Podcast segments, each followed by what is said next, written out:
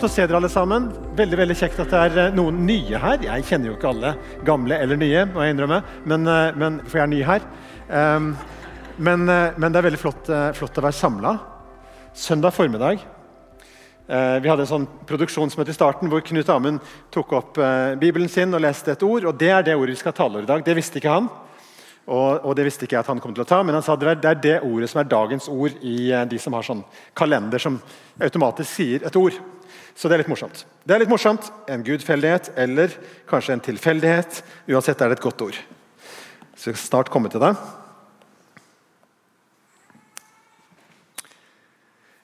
Når jeg var liten, så sang vi bordvers når vi samla oss rundt middagsbordet. Enten var det fuglesangen, eller så var det Gledens herre. Og Det var ofte pappa som stemte i.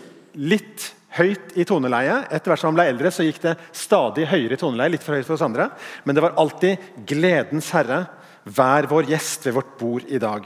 Gjør vårt måltid til en fest etter ditt behag. Jeg er ikke sikker på om jeg når jeg var liten skjønte hva 'etter ditt behag' betydde, men jeg skjønte at det rimte på 'dag', så det var fint. Men det der med 'gledens herre' det har egentlig aldri helt sluppet taket i meg. Jeg vil begynne denne talen min i dag med å snakke med dere om glede. Og så vil jeg snakke om Jesus. Kan det være at Jesus er gledens herre? Hvis vi hadde lukka øynene alle sammen nå jeg skal ikke bedre gjøre det, men hvis vi hadde lukka øynene alle sammen nå og sett for oss Jesus fra Nasaret en, en, mann med, med, litt mørkere ansiktshud enn jeg har, eh, litt mer skjegg enn jeg har, litt hår. Eh, det har jeg òg men, men, men en, en, en, mann, kanskje 1,75 høy, eh, fra Midtøsten. Enkle klær. Hvilket, hvilken følelse er det Jesus har i ansiktet sitt? Hvilken, hvilken, hvilket følelsesuttrykk er det du ser for deg Jesus i? Veldig mange av oss vil se for oss en alvorstynga og sorgtung mester. Og det er jo fordi at Mye av kirkekunsten vår er prega av reformasjonen og pietismen. og det er ikke noe galt i at vi har fokus på Jesus siste uke. I evangeliene så er en tredjedel av Johannes-evangeliet og en firedel av de tre andre via Jesus siste uke.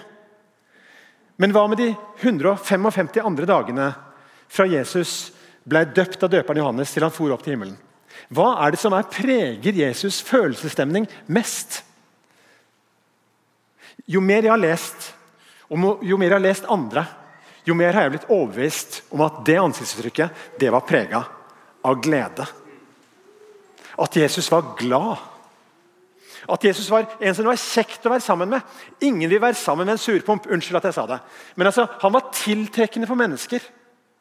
Han var ikke en sånn som hadde masse sånn negativ energi og grumpy om morgenen. Og, nei, han var fylt av en sånn uimotståelig glede som gjorde at småungene, barna, de, de ville være sammen med Jesus. Det er mitt inntrykk.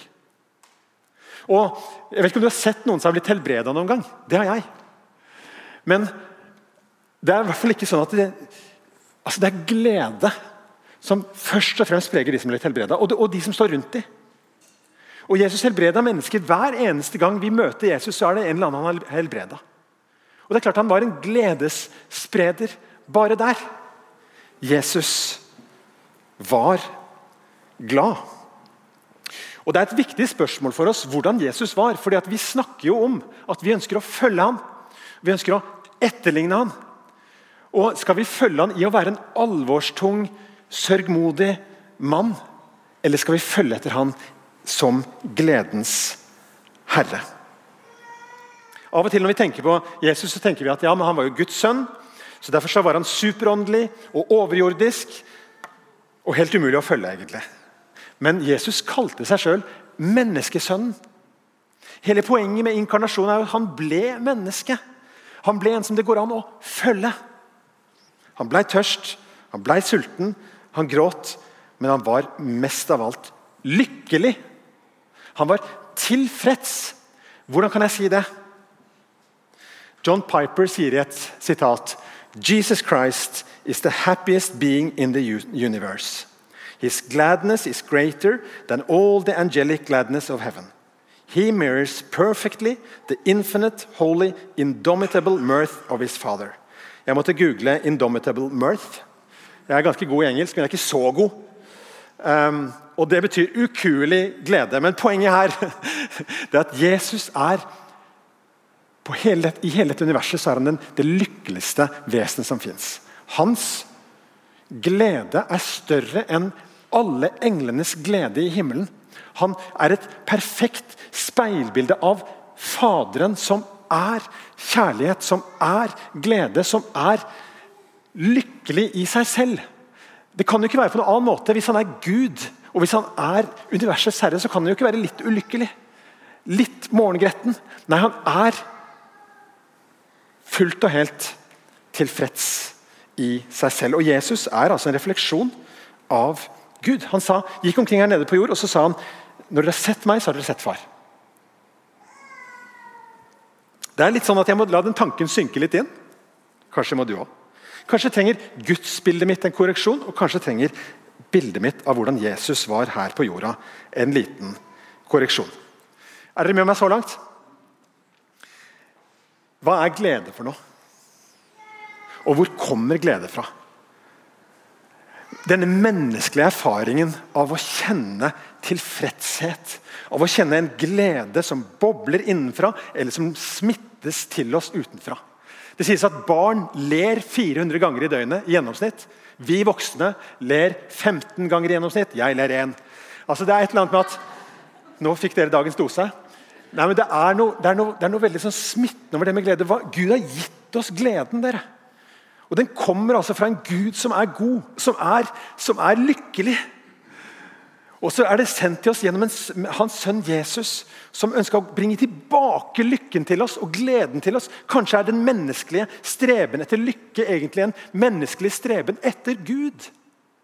For dette er alt sammen som gikk galt etter syndefallet. Er alt dette her som på en måte gjør at dagen blir dårlig. Det handler jo om ulykker, det handler jo om sykdom, det handler jo om nød. Det handler jo om mine relasjoner som jeg ikke får til. Alt dette er jo det Bibelen kaller synd og syndefallets konsekvenser. Så vår lengsel og jakt etter lykke, hva hvis det er en lengsel etter Gud?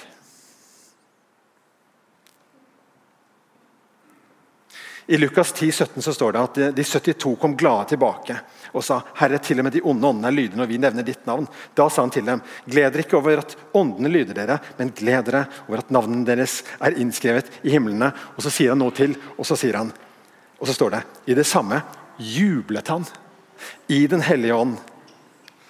Dette er fra The Chosen. Har dere sett Chosen? Hvis ikke dere har sett The Chosen, så må dere begynne å se den. Den er litt kjedelig i starten, men det er, det er verdt det. Og, og, og TV-serien The Chosen portretterer Jesus altså som en smilende mann. Jeg tror det er et riktigere bilde enn det bildet som vi gjerne har arva fra pietismen. Se på den lykkelige mannen. og hvordan det er. Når jeg ser The Chosen, den TV-serien, så er det akkurat som jeg tenker at ja, sånn kunne det vært. Og Sånn må det jo ha vært. Og De har skuespillere og de har replikker som ikke er saksa rett ut av Bibelen, men de har på en måte tenkt litt inn i situasjonen. Hvis det skjedde sånn, så må det kanskje ha skjedd sånn. Og så er det nye karakterer, og så er det gamle karakterer. Og så får de ord i sin munn som bare Det der kunne vært sånn det var. Fantastisk gøy å se. Men se på det smilet. I det samme jubla han i Den hellige ånd. Det står faktisk det. altså. Se for deg Jesus som jubler i Den hellige ånd og sier, 'Jeg priser deg, Far, himmelens og jordens Herre, fordi du har skjult dette for vise og forstandige, men åpenbart det for umyndige små.'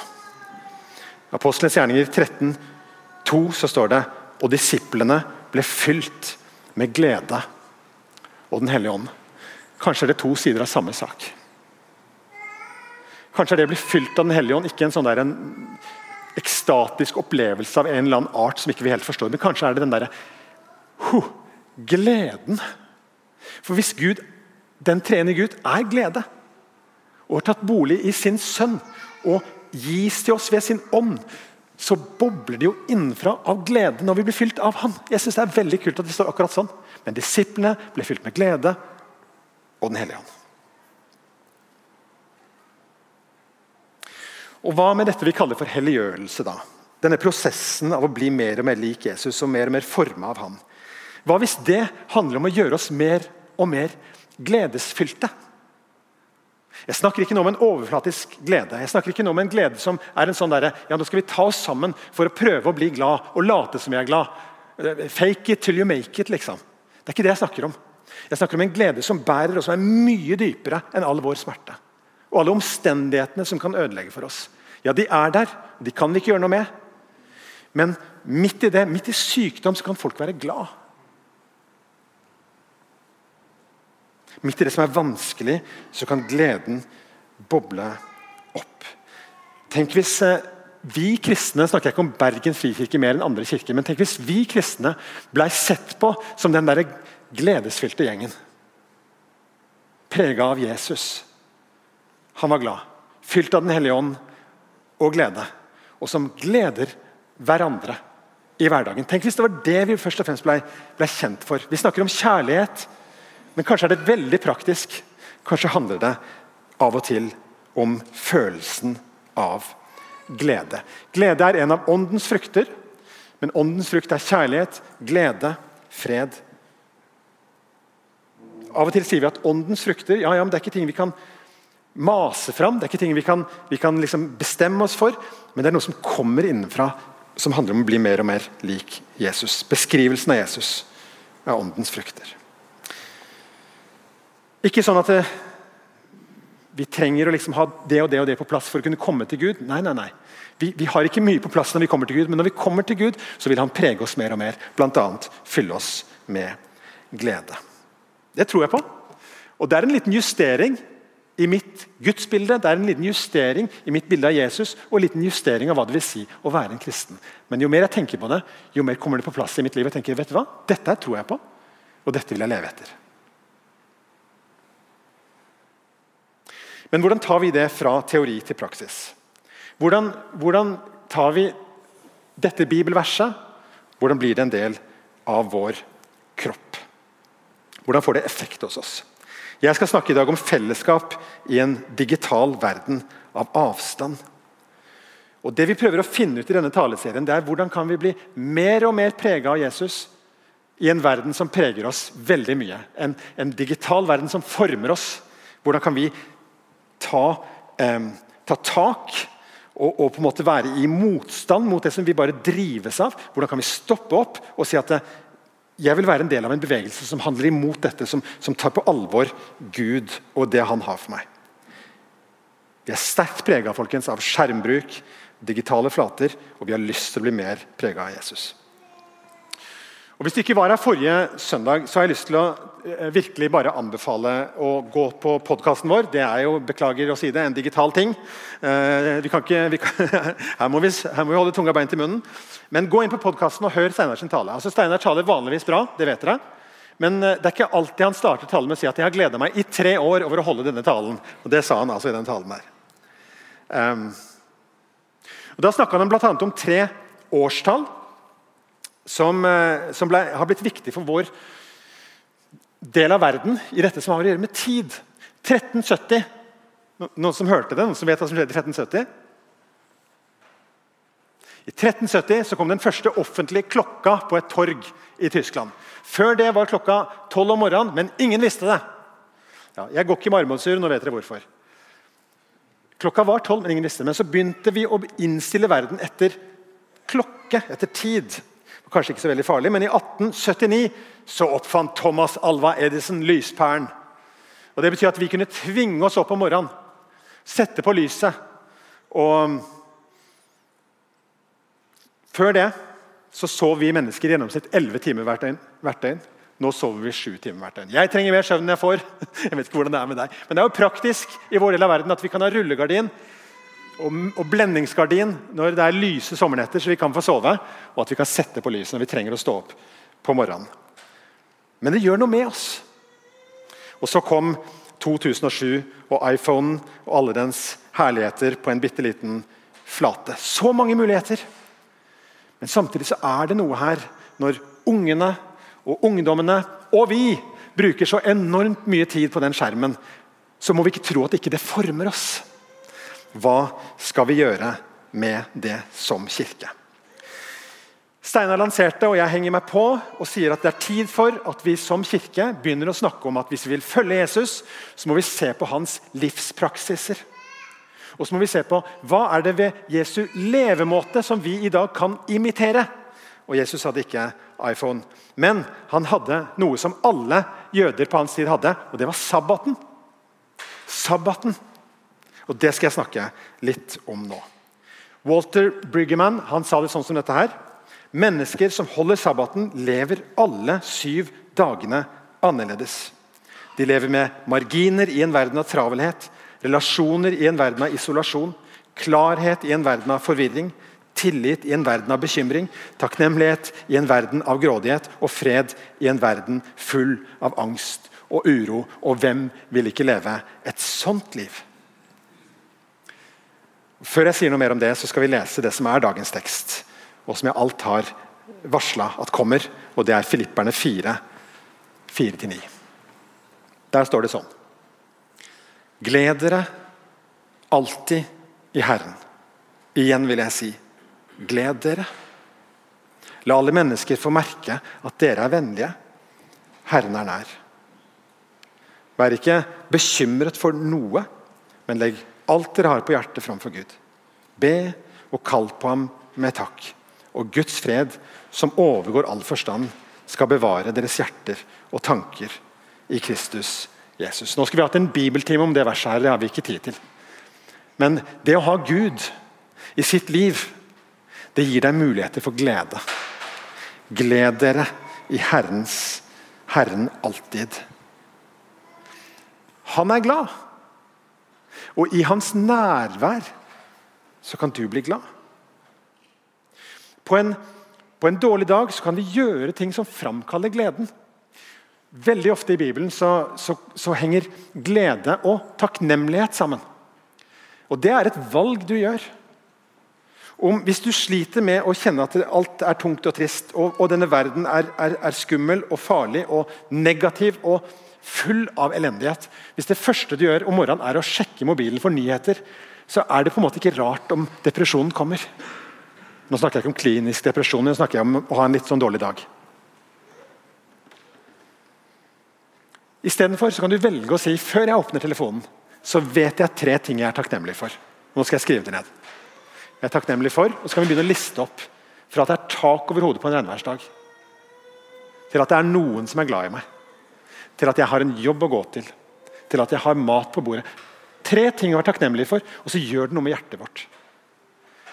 Det gjør noe med kjemien i hjernen vår.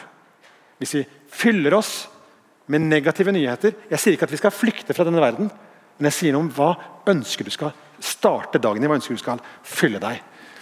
Vær ikke bekymret for noe, men legg alt dere har på hjertet framfor Gud. Hver gang det står en bekymring i Bibelen, så står det om bønn. Så vi kan velge å si jeg er så bekymra for det, og jeg er så bekymra for det, og jeg er så bekymra for det. Og så kan vi si og den bekymringen den snører jeg sammen, og så går jeg inn for Gud og så, så ber jeg til han. Kan jeg få legge det av hos deg, Gud? Kast all deres bekymring på ham, for han har omsorg for dere. Bekymring henger sammen med bønn.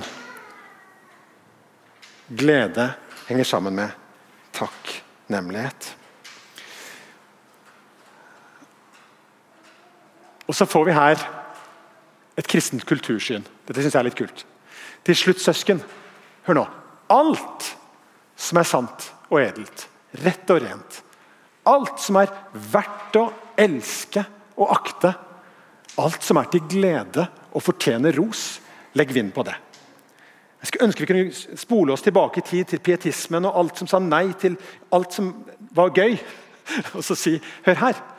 Alt som er til glede og fortjener ros. Legg vind på det. Det betyr at en, en, virksomhet som er bra, og som går bra, la oss rose det, la oss heie på det, la oss glede over det. Et musikkstykke som er vakkert, la oss glede oss over det. Nå sa jeg musikkstykke, hørtes veldig gammel ut. Um, den siste låta på Spotify, hvis den er bra laga og gir, er bra musikk, så la det, altså, fortjener det ros. Så ros det. Er det verdt å elske og akte? Er det til glede? Jeg tenker at eh, Vi kan gjerne liksom late som vi er åndelige og si at ja, gleden i Herren den finner du bare når du leser Bibelen og ber. Så, så, lykke til alle sammen med å finne gleden. Det er ikke sikkert det er det du trenger i din kjemi i hjernen din. Hva er det som gir deg glede? Som pastoren din så gir jeg deg lov til å finne glede. Det er ikke uåndelig å finne glede. Hvis det er en tur i skogen, i marka, så se uh, Guds natur. Hvis det er spille noe sammen med andre, hvis det er hva det nå er, finn gleden. Finn gleden, for det er menneskelig. Og Gud vil du skal være glad. Så finn gleden. Alt som, sier apostelen. Og alt dere har lært og tatt imot, sett og hørt hos meg, sier Paulus. Gjør alt dette, så skal fredens Gud være med dere. Paulus han fulgte Jesus, og så sa han 'følg meg'. Faktisk. Jesus sa 'følg meg', Paulus tok han på ordet, og så sier han til sine, nær, nær, sine venner 'følg meg'. Ap etter meg. Det dere ser hos meg, gjør det. Det som dere har hørt av meg, gjør det. På engelsk 'put it into practice'. Begynn å praktisere det. For det, Paulus var ikke interessert i å dosere teologi. Han var ikke interessert i å dosere teori. Han sa 'se livet mitt, og gjør sånn som jeg gjør'. Jeg følger Jesus, jeg så livet hans og gjør som Jesus gjør. Ser dere? Nå er vi over på det jeg sa i stad, om at vi må lære oss en ny måte å tenke på, der vi faktisk begynner å se på hvilke livspraksiser var det Jesus levde etter som menneske. Og noen ting vi skal gjøre. Vi har vært redd for dette fordi vi har kalt det lovisk. Vi har vært redd for at det skal oppfattes som en, en vei til å bli frelst.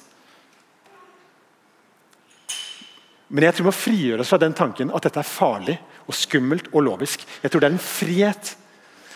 Og jeg tror Det som binder oss i dag, er telefonen. Og Det som binder oss i dag, er de digitale flatene.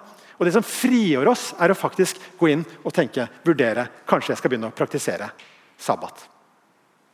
Nå sa jeg det. Steinar sa litt om det eh, på søndag som var. Jeg anbefaler deg som sagt å høre den talen. Men hva hvis i løpet av en syvdagers syklus at en av, de, en av de dagene så stopper du helt opp og hviler? Og fjerner deg fra travelheten og sier at selv om jeg har jobbmail, så vil jeg ikke lese jobbmail den dagen. Selv om PC-en min som jeg også bruker til å redigere bilder, som gir meg glede, så skal jeg ikke åpne PC-en min i den grad den gjør at jeg går på jobb igjen. Jeg skal bare jobbe litt, Jeg får en mye lettere uke på mandag hvis jeg jobber litt på søndag. Eller jobber litt på lørdag. Og så jobber vi egentlig litt hele tiden. Så jobber vi kanskje litt dårligere på jobb fordi vi er så slitne og trøtte at vi må jobbe litt på lørdag og søndag. Og så går vi inn i en sånn syklus. Og så, og så er det en som sa Hvem er det du tror du er? Gud, den allmektige, hvilte på den syvende dagen, og du tror du ikke trenger det? Man må kanskje justere selvbildet litt, litt der. Men altså Hviledagen er gitt oss som en gave. En måte å finne hvilen en måte å finne gleden. En måte å kunne sette av tid til å tilbe Gud sammen i fellesskap.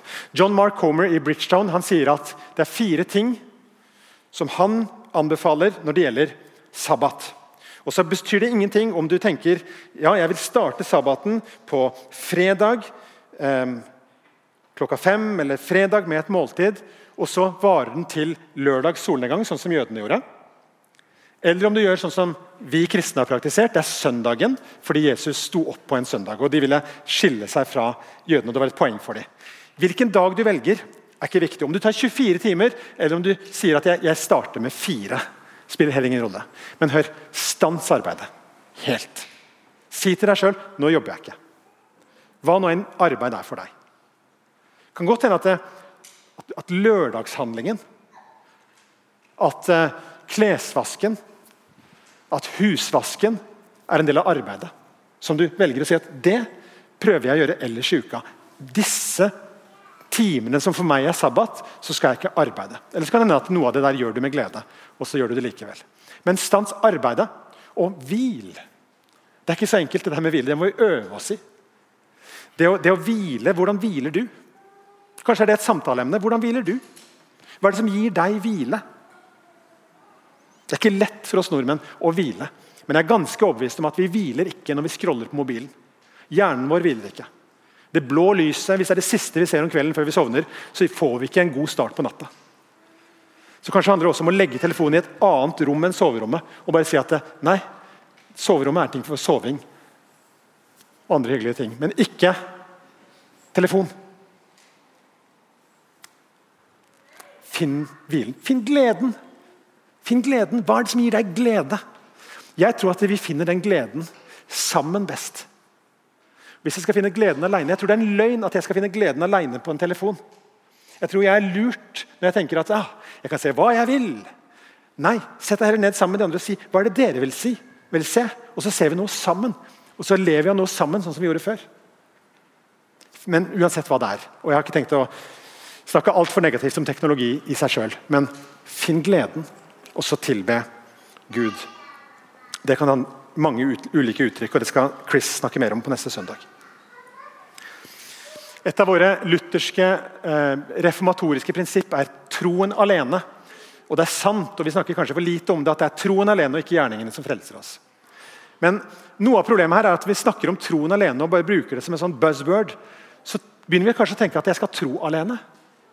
At det handler om at jeg skal finne gleden i Gud i mitt andaktsliv og i min bibellesning. og min, Mine bønner til Gud skal være inderlige, og jeg skal oppleve ting med Gud. Og, og, og Jeg sitter egentlig alene med disse følelsene og disse tankene og prøver å beskrive hva er det egentlig å tro. jeg prøver å finne ut av det. Men så har vi fått et fellesskap. Så troen er ment å skulle leves i fellesskap. dere. Så De der tankene de kan vi dele, og så kan vi få bli utfordra på det, og så kan vi jobbe med hva det er jeg tror vi trenger mer enn noen gang fellesskapet, hverandre. Og at noe av det denne digitale tidsalder har stjålet fra oss, er fellesskapet. Hvor vi havner i isolasjon og ensomhet. Jeg trenger deg, og du trenger meg.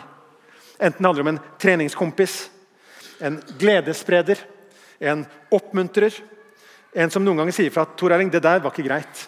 Nå må du si unnskyld. Nå må du kjøpe blomster. Nå må du kjøpe en ny bil til han du Eller hva det er. Men poenget er at vi i fellesskapet så slipes vi av hverandre, og vi er ment til å slipes av hverandre. Alternativet er å være helt alene og isolert og ikke trenger å slipes av noen. Det gjør vondt å slipes, men vi er ment å skulle slipe oss mot hverandre. Kom med meg, sa Jesus, til et øde sted.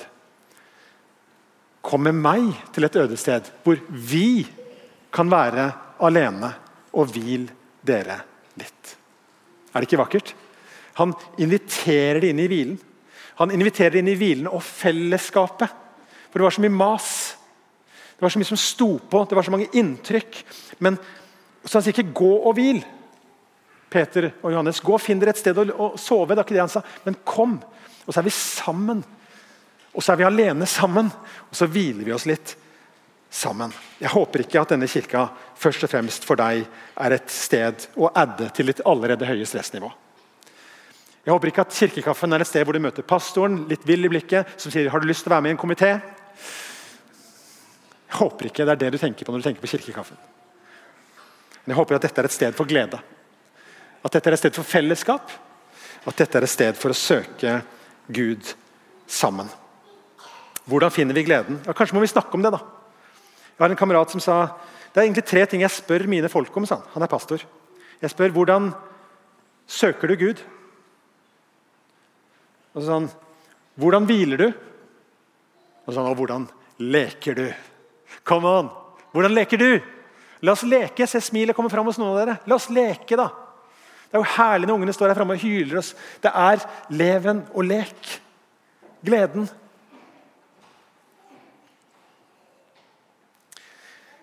Walter Briggerman som vi har sitert noen ganger, sin bok om dette her heter 'Sabbath as Resistance'.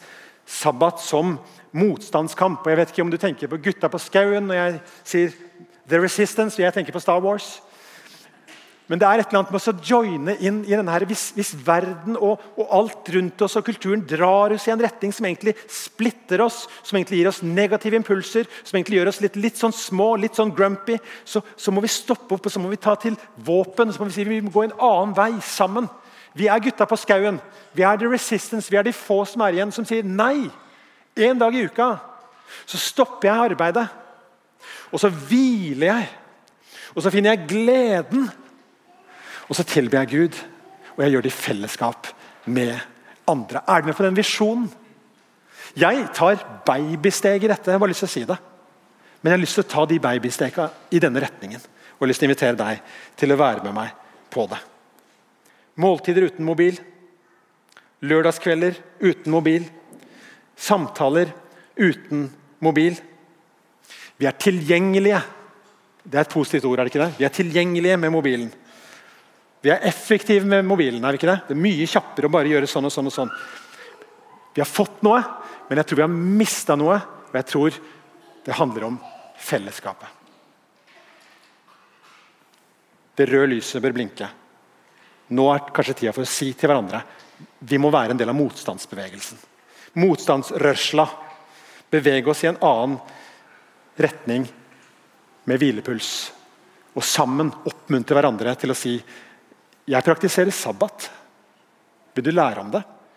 Jeg tror våre ikke-kristne venner vil elske ideen om sabbat. Ikke som trange bud og regler om alt du ikke får lov til å gjøre som er gøy. Nei. Men ta vare på deg sjøl med å hvile, søke Gud, leke. For eh, når Gud hadde skapt verden, så stansa han og så på alt det han hadde gjort, og se det var svært godt. Og så hvilte han fra alt sitt arbeid. Du og jeg trenger også hvile fra alt vårt arbeid. Sabbaten er en påminnelse om at vi ikke er slaver, men vi er fri. 400 år i Egypt så kunne ikke Israelsfolket feire sabbaten. De måtte jobbe, de var slaver. Så Derfor så sier Gud når han sier dette er budet som dere skal holde, hold sabbaten, så sier han og det gjelder også slavene deres. Det gjelder også tjenerne deres. Dette er en dag for likhet. Dette er en dag for at vi er ett folk som faktisk praktiserer denne formen for kollektiv hvile. Når jeg var liten og måltidet var slutt, så sang vi takkeverset.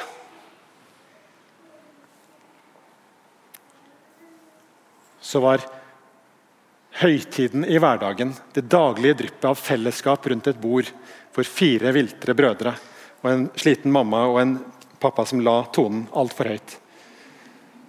Det, det, var en start og en slutt på det, som ramma det inn. Og så sang vi sammen. For de gaver som du gir, takker vi deg, Gud.